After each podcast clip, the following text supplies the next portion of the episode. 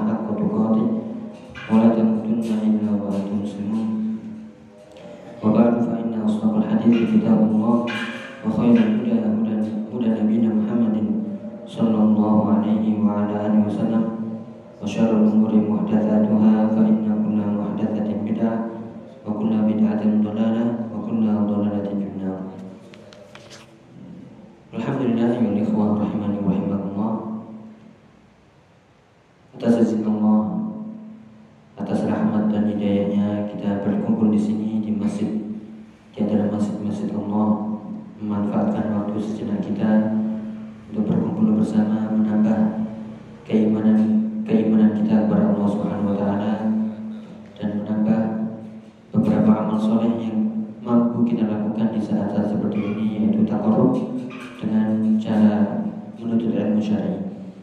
Semoga semuanya dalam keadaan sehat walafiat, dimudahkan segala urusannya dan semoga pertemuan ini pertemuan yang barokah amin ya rabbal alamin.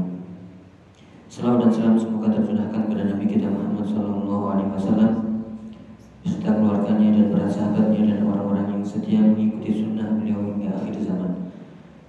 Masih dari pembahasan Al-Mulakhas fi Syarhi Kitab Tauhid yaitu syarah ringkas dari Kitab Tauhid. Kitab Tauhid yang ditulis oleh Syekh Muhammad bin Abdul Wahab. Adapun Al-Mulakhas fi Syarhi Kitab Tauhid oleh Syekh Al-Fauzan Hafizullah Ta'ala wa Dan kita melanjutkan di bab kedua Ya jika kita menganggap mukaddimah itu sebagai bab pertama Maka ini adalah sebagai bab kedua Adapun jika menganggap mukaddimah itu adalah bukan bab pertama Maka ini adalah bab yang pertama Yang pernah kita sebutkan sebelumnya Ada perbedaan pendapat di kalangan para ulama tentang jumlah bab dari kitab kitab tauhid. Ya, masih di fadlul tauhid wa ma yukaffiru min Keutamaan tauhid dan hal-hal yang bisa menghapuskan seluruh dosa semuanya. Yang dimaksudkan adalah bahwasanya tauhid itu di antara keutamaannya adalah bisa menghapus seluruh dosa-dosa. Ya, duna duna syirki. Yang penting duna apa artinya duna? Duna, duna artinya di bawah. Ya, di bawah kesyirikan. Ya, misalnya uh, Muhammadun dunaka fi fil fil ghina misalnya. Muhammad di bawahmu dalam masalah kekayaan. Ya, duna itu artinya bisa di bawah, bisa kecuali. Ya, jadi itu zu. Ya, kalau ini duna ya duna syirki selain syirik di bawah kesyirikan kalau zu zu itu memiliki ya mari di sini yang merupakan lautan ilmu ya ini yang menyebabkan hati kita menjadi tenang kemudian iman kita bertambah ya sehingga kita semangat untuk beraktivitas ibadah dan ini mahal harganya ya kalaupun ditukar dengan satu miliar mau? Kayaknya mau? Butuh soalnya. Ya, tapi para ulama ya, ahli ilmu, ke mana pun dia pergi, surga selalu bersamanya. Bahkan ada yang mengatakan, man lam yadkhul jannata, uh, man lam yadkhul jannata fid dunya, lam yadkhul jannata fil akhirah. Siapa belum memasuki surga di dunia, maka dia tidak akan memasuki surga di di akhirat. Apa maksudnya surga di dunia? Ya, yang dimaksud surga dunia bukan diskotik, kafe banyak menjamur ya sekarang ini. Ya, eh, tempat-tempat hiburan bukan itu bukan surga dunia, tapi itu adalah ya neraka dunia.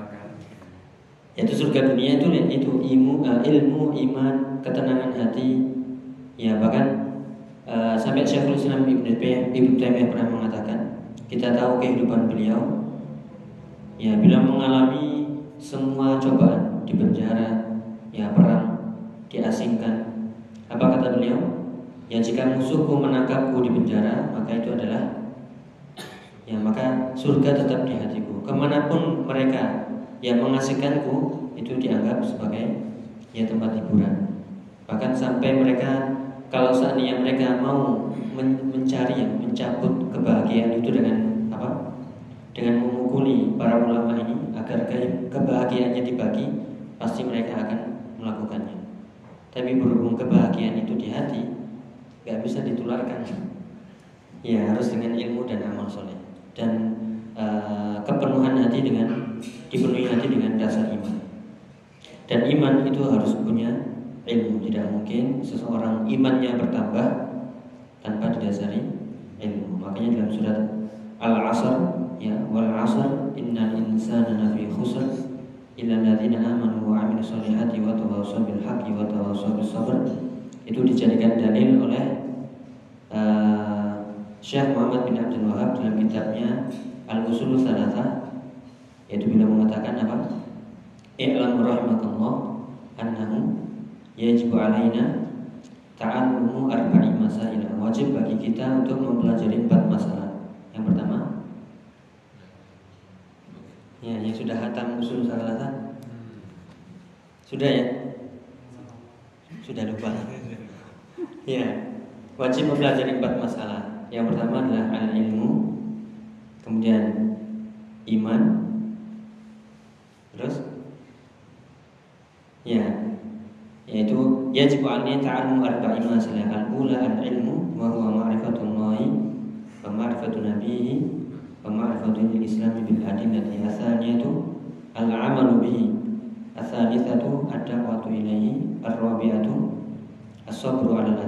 yaitu harus berilmu, beramal, kemudian berdakwah dan sabar.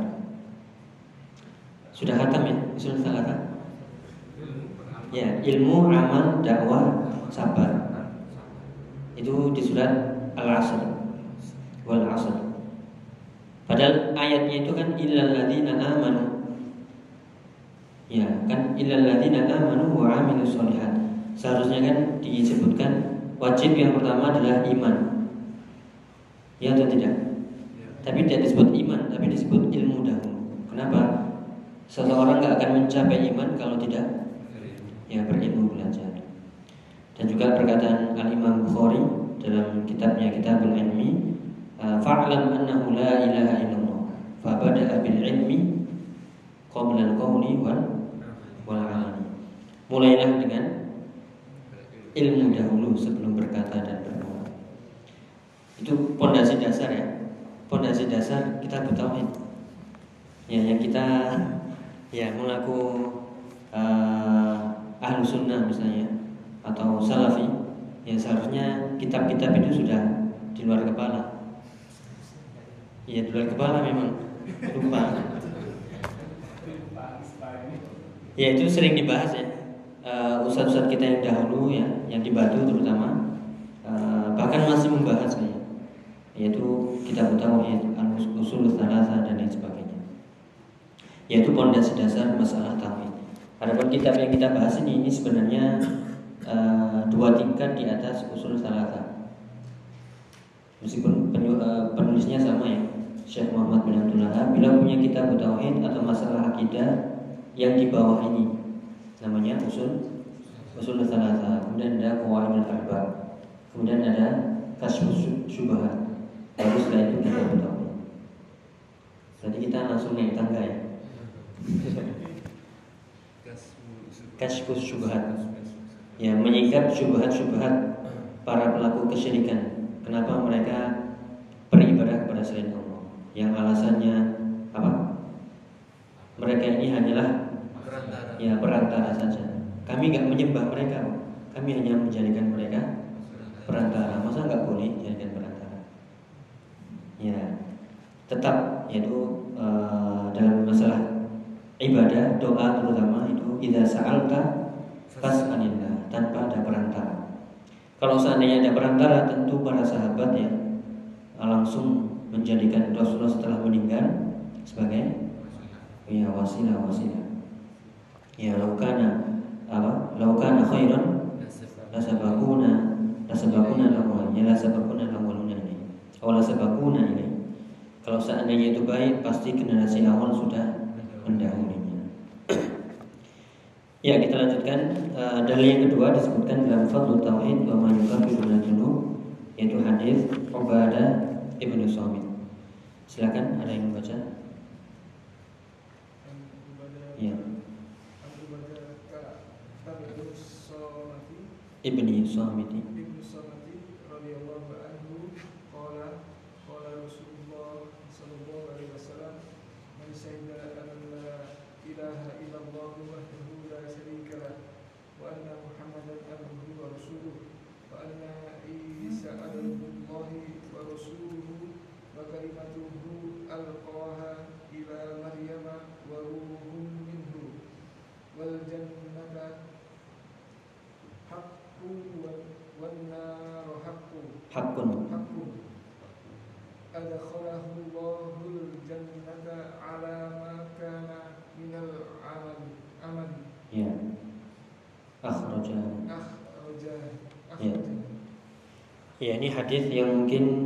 pernah kita baca ya.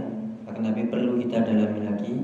Sekali lagi eh, faedah pengulangan ya ilmu itu itu semakin diulang semakin banyak ya hikmah dan pelajarannya. Ya bahkan Imam Syafi'i berulang-ulang membaca mungkin ya satu ayat itu sampai ya ratusan mungkin ribuan faedah. Ya tergantung keilmuannya. Maka sini kita mencoba eh, karena ini adalah masalah keutamaan tauhid dan bahwasanya tauhid itu bisa menghapuskan dosa-dosa kalau di ayat pertama yang disebutkan sebagai dalil alladzina amanu wa lam yalbisu imanahum bidzulmin ulaika lahumul amn wa hum muhtadun. Sebab masih semoga masih ingat ya. Di sini jaminan orang yang beriman dan tidak mencampurkan mencampur adukkan dengan kesyirikan adalah aman dan petunjuk. Kalau ingin aman hidupnya dan selalu mendapatkan petunjuk, maka jagalah iman dan jangan berbuat syirik. Ya, kemudian di hadis ini dari Ubadah ibnu Samit radhiyallahu anhu qala Rasulullah sallallahu alaihi wasallam Rasulullah bersabda man syahida an la ilaha illallah wahdahu la syarika lahu Ya, siapa yang bersaksi bahwasanya la ilaha illallah tidak ada sesembahan yang hak yang patut diibadahi kecuali Allah wahdahu. Ya kecuali Allah saja la syarika lahu. Tidak ada sekutu baginya. Wa anna Muhammadan abduhu wa rasuluh. Bahwasanya Muhammad adalah hamba Allah dan rasulnya. Kemudian di sini wa anna Isa abdullahi wa rasuluh. Bahwasanya Isa adalah hamba Allah dan rasulnya. Inilah akidah kita yang benar tentang Isa alaihi salam ya beliau adalah seperti Muhammad wasallam hamba dan rasulnya akan tapi beliau memiliki keutamaan seperti wa kalimatuhu alqaha ila Maryam. Dan kalimah apa itu kalimah? Perkataan. Perkataan Allah yang Allah kirim kepada Maryam. Apa itu perkataannya? Ya, idza aradallahu uh, bi syai'in ya kalau Allah menghendaki sesuatu maka Allah tinggal mengatakan apa? Ya, itu kalimat kun. Kalimat kun itulah yang disebutkan kun fayakun. Artinya kalau Allah menghendaki sesuatu terjadi, maka terjadilah meskipun itu tanpa sebab.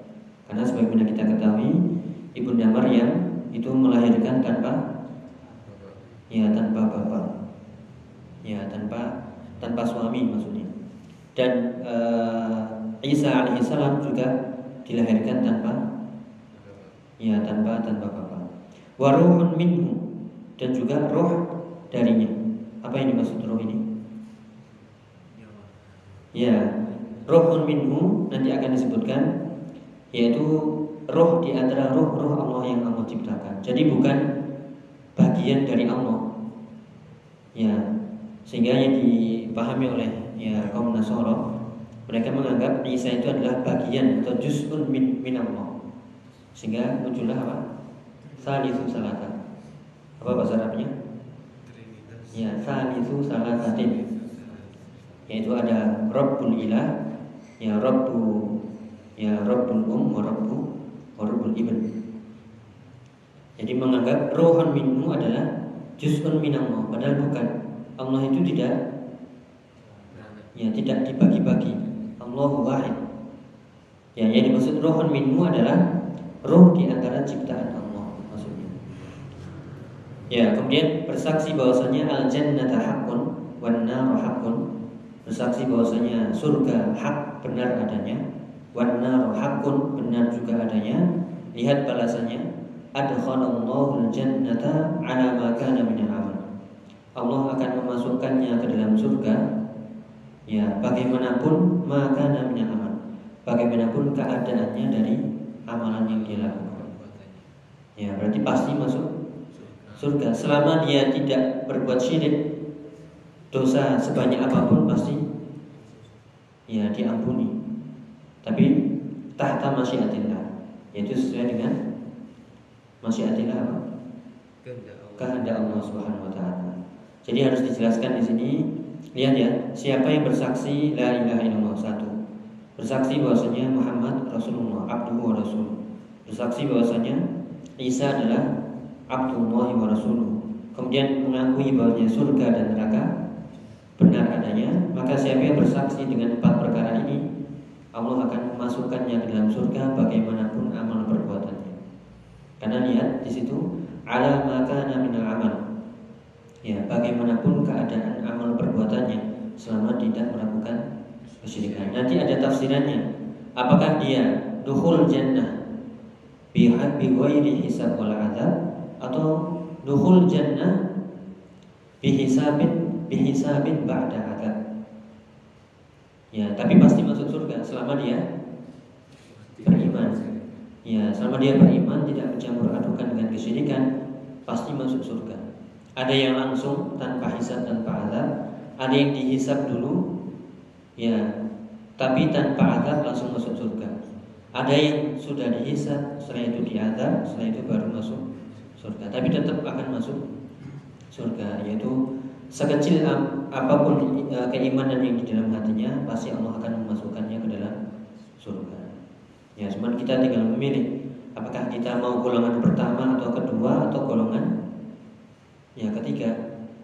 Hisab dulu, azab dulu baru ya itu jangan beranggapan gak apa lah yang penting masuk surga. Ya, namanya Iya. Ada ada tiga golongan ya uh, masuk surga tanpa hisab tanpa adab ini yang dikatakan 70 70 ribu golongan dan setiap uh, satu orang membawa ya setiap seribu membawa nah setiap satu membawa ya 70 jadi di kalau dilipat gandakan itu sekitar uh, dikali tujuh lagi sekitar berapa juta nanti ada pembahasannya di sini Ya, kalau tidak masuk itu masuklah yang di golongan kedua yaitu bil hisab tapi wala azab. Dihisab. Dihisab itu maksudnya dipertontonkan amal perbuatannya yang buruk yang baik di seluruh hadapan makhluk seluruhnya tapi Allah tidak mengampuni. Ya, mengampuninya. Ini dahulu ya ditutup, diampuni. Itulah yang kita inginkan. Ya. Atau kan kita sering berdoa Allahumma stur aurati wa amin ro'ati Ya Allah tutuplah auratku, aibku di dunia dan di akhirat Ya sehingga uh, kalau kita sudah di bahasa Jawanya didedes ya Faman nukisha fakot riba Yaitu di hari hisab ketika dia didetail pertanyaannya Melakukan ini, melakukan, melakukan Itu sama seperti azab Tapi Allah Allah telah bersawab ya Bagaimana keadaannya waktu itu tapi kalau dia sudah diampuni kemudian masuk yaumul mizan ketika ditambah ditimbang faman thaqulat ya mawazinhu fahuwa fi 'ishatin radiyah. Itu yang kita harapkan. Tapi ternyata kalau pas ditimbang khofat ya sehingga fakumuhu hawiyah wa ma adraka ma hiya narun hamiyah. Orang yang kafir akan khalidun mukhalladan mukhalladun fiha. Orang yang kafir mereka akan kekal selamanya di di neraka bersama orang-orang munafik. Ya, adapun orang eh, orang-orang muslim pelaku dosa besar selama masih ada keimanan maka ya Allah akan mengangkatnya bisa dengan syafaat kaum muslimin ya bisa dengan syafaat ya anak-anaknya keluarganya jika Allah menghendaki. Ya atau Allah mengadabnya sesuai dengan keadilannya. Ya nasallallahu alaihi ya hadis ini akhrajahu yang diriwayatkan oleh Bukhari dan Muslim. Ya kita gali lagi. Kita ingat atau kita ingat-ingat di sini syaratnya agar dimasukkan dalam surga yaitu syahadat la ilaha illallah kemudian syahadat Muhammad dan Rasulullah kemudian syahadat bahwasanya Isa ya ini nanti akan ada pembahasan di bantahan bagi orang-orang yang menganggap Isa adalah ya ibnu Allah. Oke, silakan. Ubadah bin kita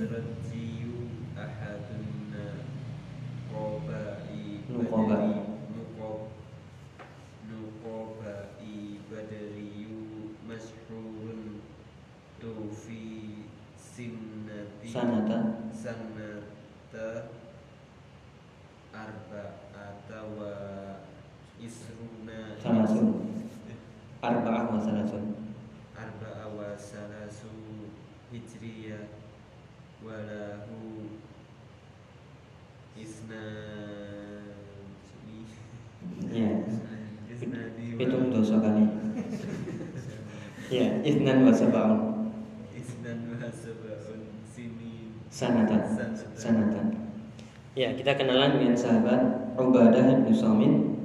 Uh, nama lengkap beliau adalah Ubadah ibnu Samiti ibnu Qais al Ansori al Khazraji. Berarti beliau dari kalangan kaum Ansor, orang Madinah asli. Beliau adalah ahadun nuqaba. Nuqaba itu jamak dari naqib.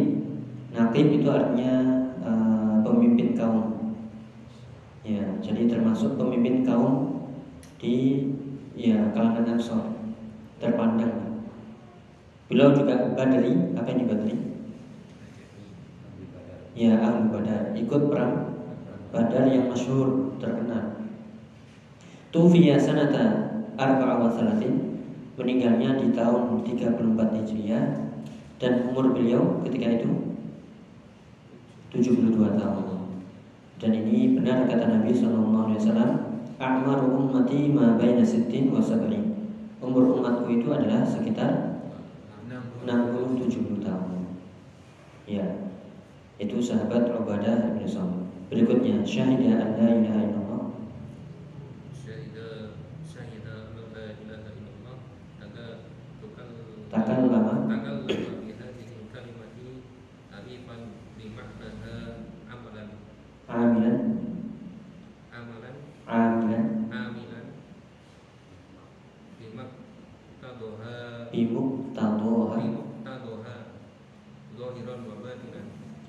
ya ini menarik ya di sini. Syahidah an la ilaha illallah.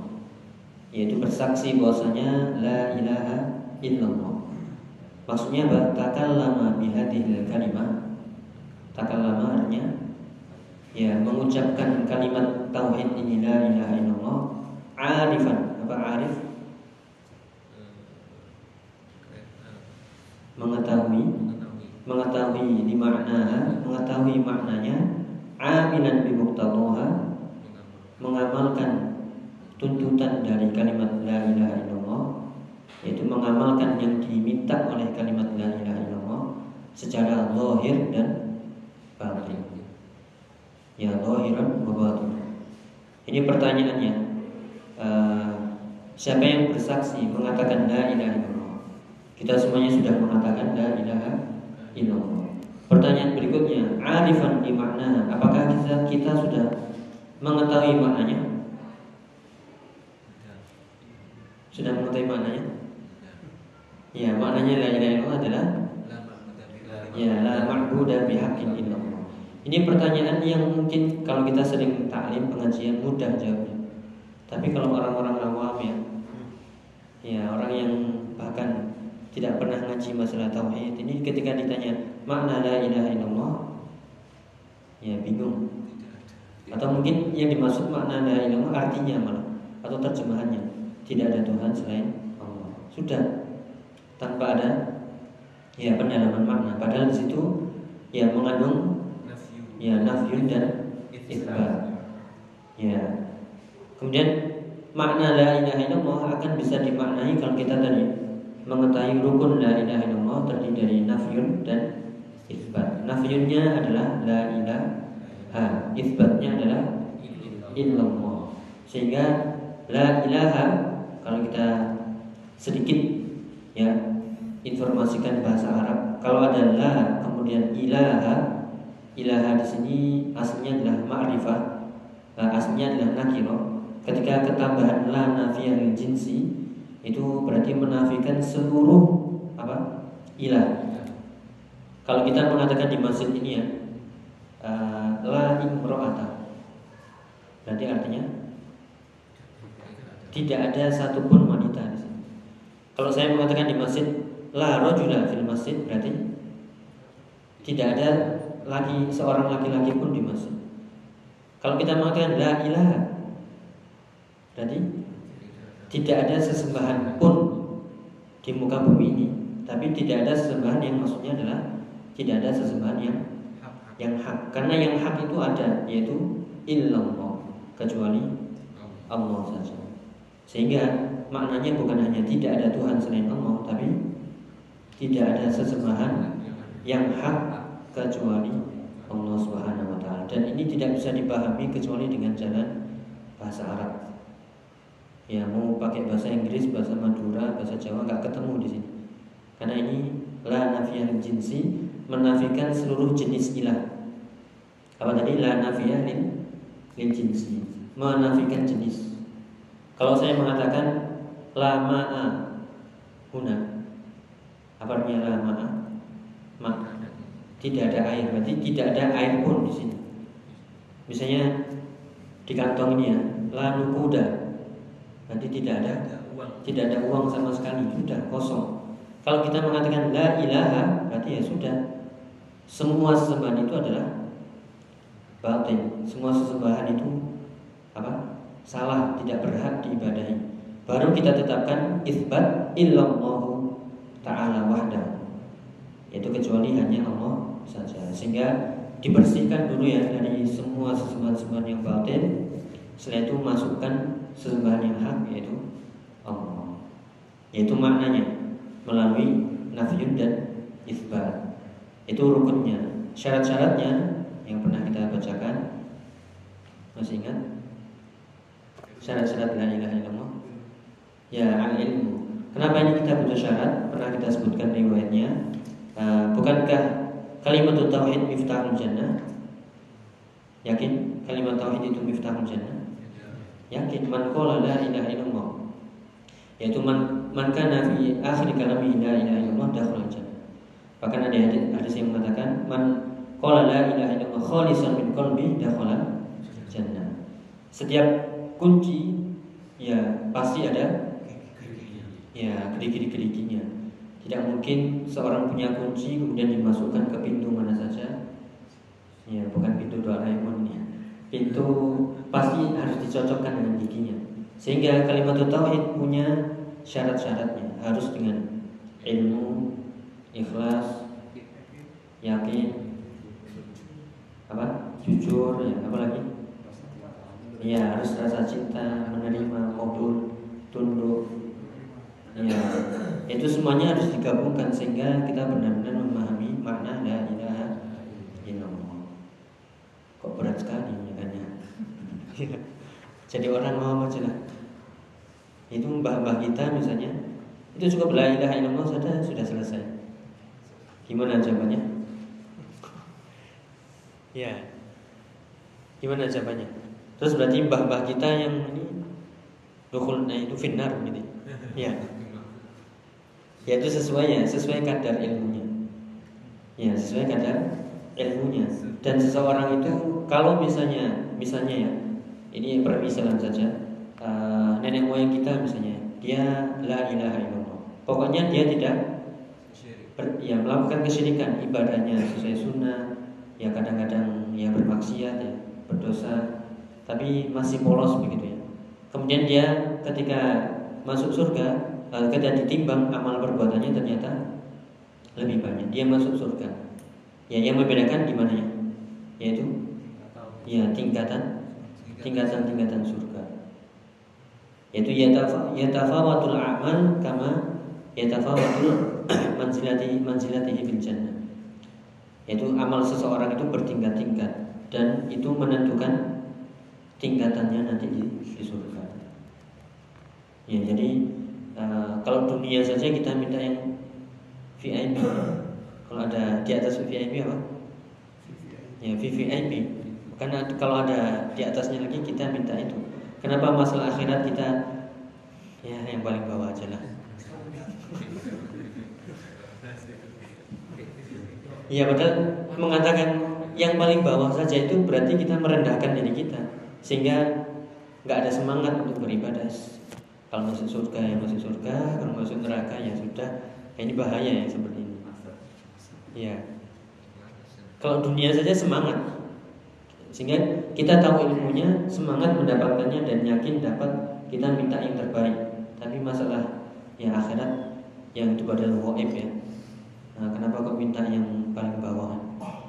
Ya padahal uh, ya Wallahu taala bisawab ya. Nasallallahu alaihi Ya jadi itu kembali Eh, semoga bisa dikoreksi lagi atau dimuhasabah kembali, dilihat lagi makna la ilaha illallah. Tadi ya, memahami makna la ilaha illallah dengan rukun dan syarat. Silakan dibuka lagi. Kemudian amilan bi mengamalkan konsekuensi tuntutan la ilaha illallah. Sudah ya? Ya insya Allah. Zahiran wa tapi ada lagi lahir batin sudah kita amalkan. Sudah? Nah, ini pertanyaannya. Ya kalau batin, nah, zahir mungkin ya terlihat lah apa sholat ya. Pokoknya uh, yang lurus-lurus saja lah. Kalau batin kita, ya kadang ketika diuji baru nampak gimana kualitas kita. Kita itu emas 24 karat atau emas Iya. Ya, ya itulah. Ini uh, harus diuji. Ya, ahasiban nasu ayyutraku ayyaqulu amanna wa hum la yuftanun. Apakah manusia mengira dibiarkan iman ya begitu saja tanpa di, diuji? Atau di surat Al-Baqarah uh, am hasibatum an tadkhulul jannata wa lamma ya'tikum mathalul ladzina min uh, mathalul ladzina min qablikum.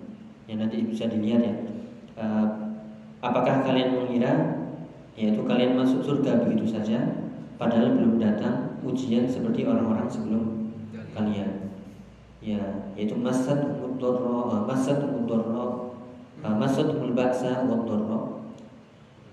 Ya, apa? Mereka ditimpa kesusahan, kesulitan, bahkan zulzilu di digoncang-goncangkan artinya benar-benar ujiannya berat ya hatta yaqula rasul walladzina amanu. Sampai orang-orang beriman uh, sampai rasul dan orang yang beriman bersamanya mengatakan mata nasrullah. Kapan? Ini? Datangnya pertolongan. Kemudian dijawab ala inna nasrullahi. Qarib ketahuilah pertolongan itu dekat. Dan pertanyaannya pernahkah kita dapat ujian sampai kita mengatakan kapan pertolongan Allah? Seberat itu ujiannya atau kita masih ujiannya paling ya nggak punya uang ya. Sakit. Atau istri ya rumah sakit ya. Atau meninggal ya saudara. Tapi ujian yang berupa keimanan yaitu entah itu eh, siksaan atau apa lagi. Diusir misalnya. Sampai nggak makan misalnya. Boykot. Ya intimidasi. Diusir ayo keluar dari kampung misalnya. Belum pernah berarti masih ringan ujian kita. Dan itu menunjukkan apa ya keimanan kita ya masih segitulah. Karena eh, di hadis disebutkan uh, asyadun nasi balaan al anbiya orang yang paling berat cobaannya adalah Para nabi. Summal amsal fal amsal kemudian yang orang yang semisalnya semisalnya semisalnya semisalnya nah kita kalau imannya seperti para nabi ujiannya ya sangat berat. Ya kalau kita belum dapat ujian yang sampai mengatakan ya Allah kapan ini datang pertolongan? Sudah nggak kuat misalnya. Pernah bilang begitu? Ya belum sepertinya. Ya tapi ya tetap berusaha ya. Ah, tapi kita tidak berharap ya, siap diuji. Ya tidak tetapi uh, ya bersyukurlah bersyukur dengan kondisi saat ini. Yang penting gunakanlah uh, nikmat-nikmat tadi untuk ya beribadah kepada Allah Taala. Seperti dalam surat Ibrahim ya wa id wa id uh, wa id ta'adzana rabbukum la in syakartum la azidannakum wa la kafartum inna azabi lasyadid. Ya jadi itu uh, mengamalkan lahir dan batin. Ini dijawab di masing-masing hati saja ya. Sudahkah kita mengamalkan la ilaha illallah lahir dan batin kita? Ya berikutnya la ilaha illallah maknanya adalah tadi. Silakan. Ya, la ma'buda ilah itu artinya ma'luh. Ma'luh itu artinya ma'bud. Ma'bud itu artinya yang di yang disembah. Berarti tidak ada yang disembah bihakin secara hak kecuali. Ya sekali lagi yang mungkin dahulu kita bingung kok diartikan tidak ada sesembahannya, kok ada tambahan hak ini kenapa? Ya bahkan mungkin orang yang sinis ya ataupun sudah uh, anti dengan kajian salaf mengatakan itu kok aneh-aneh aja pak. Tafsiran la ilaha illallah tidak ada sesembahan yang hak. Kenapa ditambahi hak?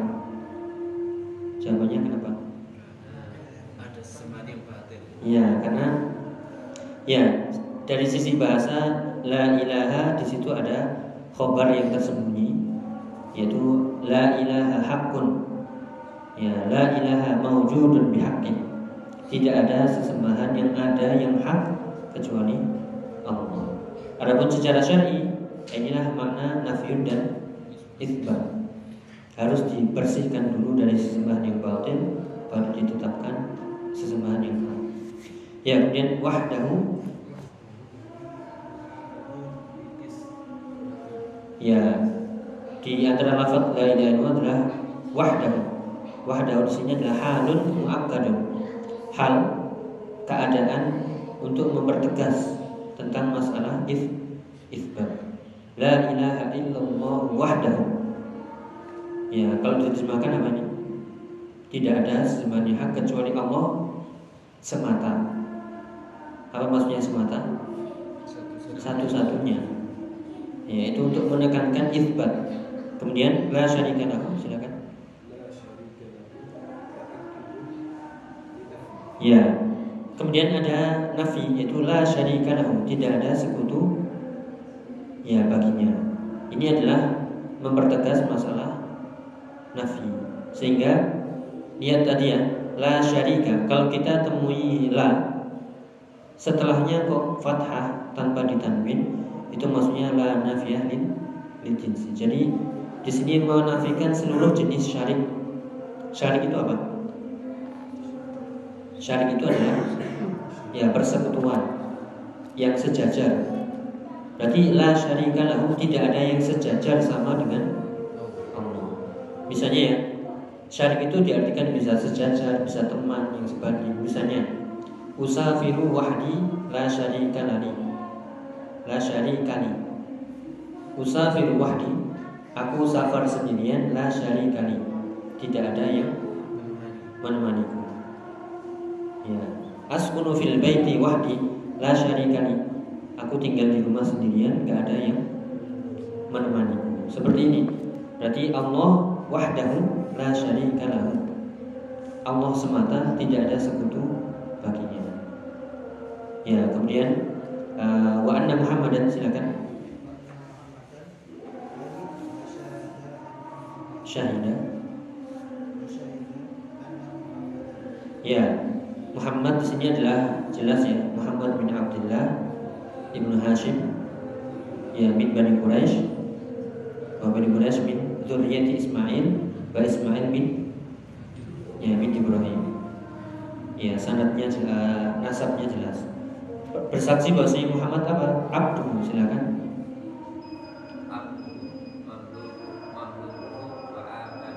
Wa abidu. Ya abduhu artinya adalah hambanya. Hambanya maksudnya adalah yang dimiliki oleh Allah dan yang beribadah kepadanya. Ya dan wa rasuluhu Silakan. Ya wa rasuluhu artinya mur Ya bukan dibaca Wa rasuluhu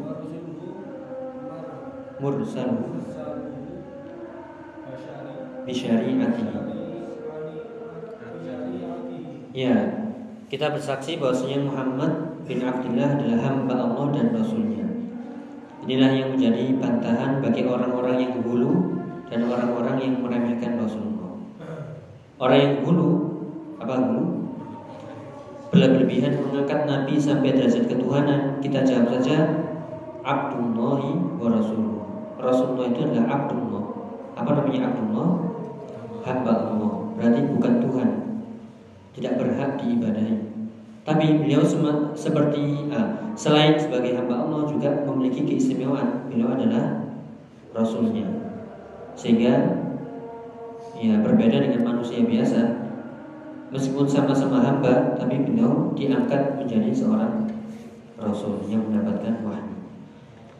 Ya, sehingga ini bantahan bagi orang-orang yang dulu berlebihan kepada Nabi dan juga orang yang meremehkan beliau Shallallahu Alaihi wasallam. Ya, kalau tadi makna la ilaha illallah paham ya? Rukun dan syarat. Pertanyaannya, makna syahadat Muhammad dan Rasulullah? Oh, maknanya dulu aja. Makna syahadat Muhammad dan Rasulullah artinya ini? Ya, makna syahadat kalau la ilaha illallah kan la ma'budah bihaqqin illallah. Kalau syahadat Rasulullah Hmm, artinya apa?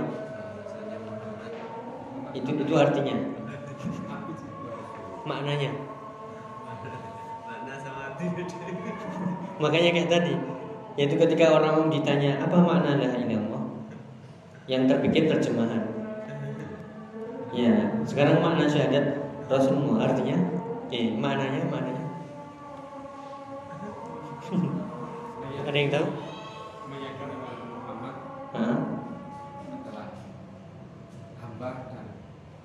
Ya, itu artinya ya. Terjemahannya. Ya, ada itu. Yaitu maknanya adalah la matbu'a bihaqqin illa Rasulullah. Yaitu tidak ada yang patut diikuti dalam masalah agama kecuali Rasulullah. Berarti kita apa? Dalam masalah ibadah, selain kita la ma'budu bihaqqin illallah, dalam masalah syariat ibadah kita tidak mengikuti syariat ibadah kecuali yang dibawa oleh Rasulullah. Berarti tauhidullah wa tauhidur Rasul. Mentauhidkan Allah dan mentauhidkan Rasulullah maksudnya apa? Itu menjadikan Rasul itu satu-satunya yang berhak di, diikuti dalam masalah agama. Kalau dalam urusan, urusan ibadah yang wajib kita ibadahi Allah satu-satunya, la syarikalah. Kalau dalam urusan tata cara ibadah syariat satu-satunya yang berhak kita ikuti adalah Rasulullah itu mana mana syahadat Rasul kalau dibaca Arab kan ya la matbu'a bihaqqin illa Rasulullah la matbu'a tidak ada yang berhak diikuti kecuali Rasulullah. Diikuti dalam apa? Dalam ibadah dalam syariat dalam agama. Sehingga konsekuensinya adalah ta'atuhu fi ma'amar ya wasdinahu ma naha anhu wa Kemudian uh, uh, wasaddaqahum bima akhbar. Dan juga wa alla yu'badallahu illa bima syara'a. Bisa dicatat ya. Konsekuensinya adalah mentaati perintahnya, kemudian menjauhi larangannya, membenarkan apa saja yang keluar, uh, membenarkan apa saja yang dikabarkan Rasulullah dan tidak beribadah kecuali dengan syariat Rasulullah SAW. Jadi kalau seseorang ma, paham la ilaha illallah otomatis dia langsung jadi ahlu sunnah wal jamaah salafi. Ya, ya atau ya. Kalau dia paham la ilaha illallah pasti dia langsung ya jadi ahlu tauhid dan mengikuti sunnah. Otomatis. Kenapa? Karena konsekuensi la ilaha illallah jelas jadi ahlu tauhid. Konsekuensi syahadat Rasul pasti tidak akan melakukan bid'ah. Kenapa? Dia yakin tidak boleh ibadah kecuali yang dicontohkan oleh Nabi. Itu dari mana pemahamannya? Ya syahadat Rasul kita sudah jauh-jauh kita mengatakan asyhadu anna Muhammadan Rasulullah. Ya, tapi karena ilmu tidak disebarkan ya atau kebodohan merajalela sehingga makna syahadat yang penting ini saja ya luput. Ya, berarti dakwah masih berat masih harus di, di, disampaikan terus ya bisa dipahami uh, seseorang kalau paham syahadat la ilaha illallah Muhammad dan Rasulullah sudah pasti insya Allah lurus ya tauhid tidak melakukan kebitahan pasti taat kepada agama dan tidak melakukan ya dosa-dosa. Karena itu sudah jelas makna la ilaha illallah Muhammad dan Rasulullah. Ya coba ini dia, diajarkan kepada mu'alaf ya Satu saja. Atau seorang masuk Islam karena Berkat dakwah La ilaha illallah Muhammad Rasulullah Maka sepanjang hidupnya dia melakukan ibadah Amalnya terus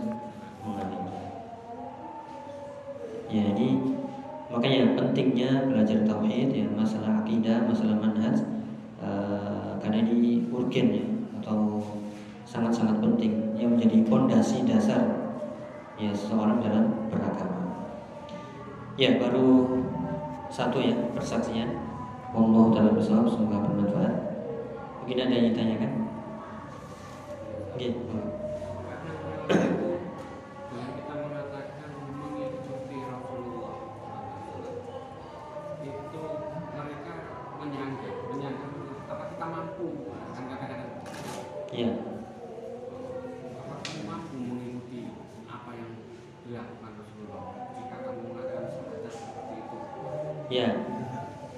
Ya, jawabannya adalah uh, Qul in kuntum tuhibbunallah fattabi'uni yuhibbukum. Di surat uh, Ali Imran ayat berapa?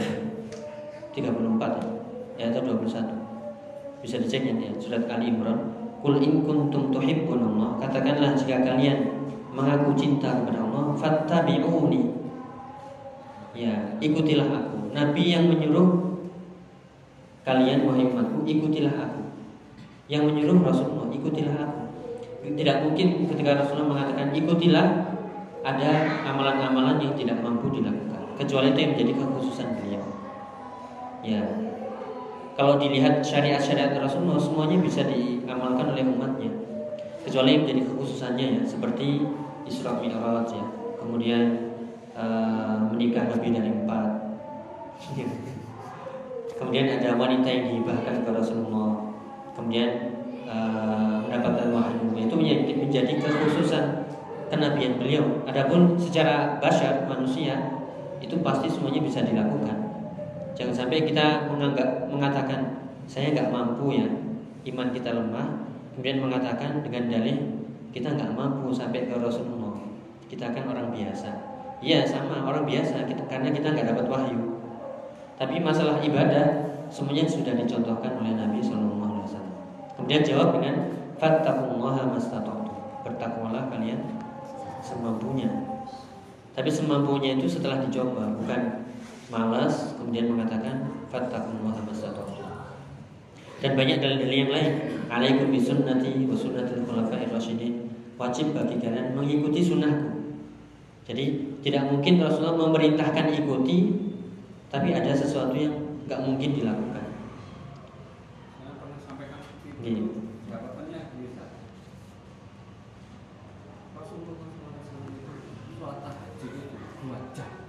Kamu sholat tahajud cuma?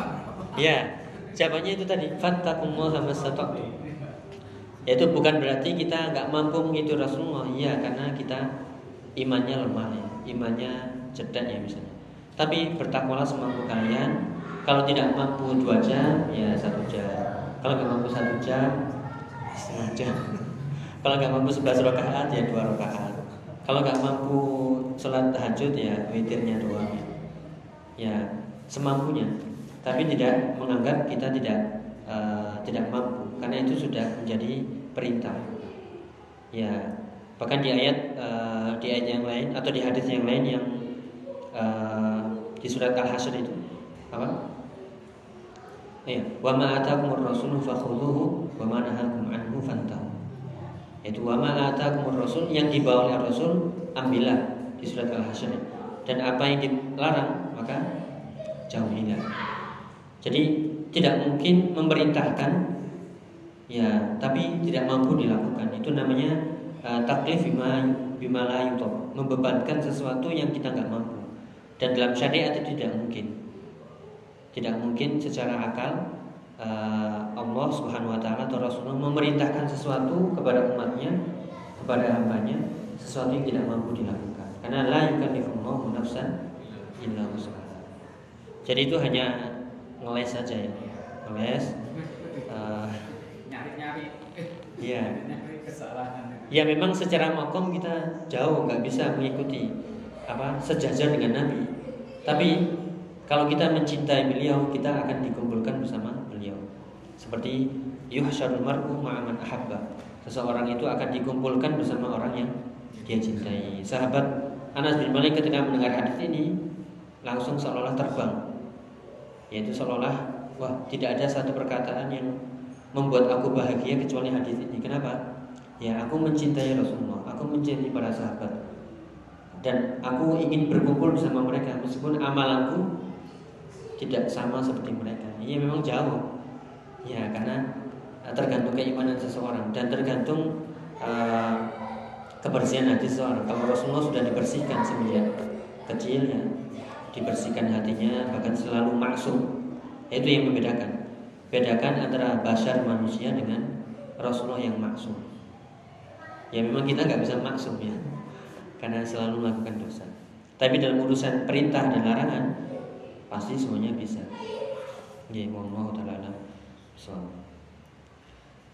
Sekam ya? Ya alhamdulillah semoga bermanfaat. Allah taala sholat. semoga semuanya istiqomah. Uh, dimudahkan untuk selalu beriman beramal soleh bertakwa dan sabar di atas yang benar. Subhanallah wa bihamdihi dan an la ilaha illa anta